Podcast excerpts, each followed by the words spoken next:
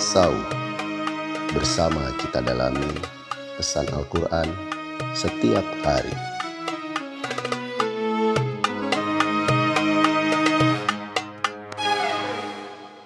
A'udhu billahi minasyaitonir rajim Fihinna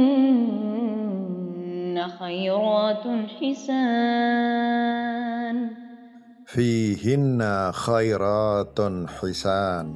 Di dalamnya ada segala sesuatu yang sangat utama kebaikannya dan juga sangat indah. Kiranya ayat ini merujuk kepada ayat yang setelah ini, yakni berbicara tentang apa yang disebut sebagai hur'in atau bidadari yang di dalam tafsir ayat yang akan datang akan saya tunjukkan mencakup bukan saja bidadari tetapi bidadara bahwa ini merujuk kepada pasangan-pasangan yang akan didapati manusia ketika masuk surga berupa pasangan-pasangan yang penuh kesucian, penuh kedamaian, dan penuh keharmonisan atau keserasian.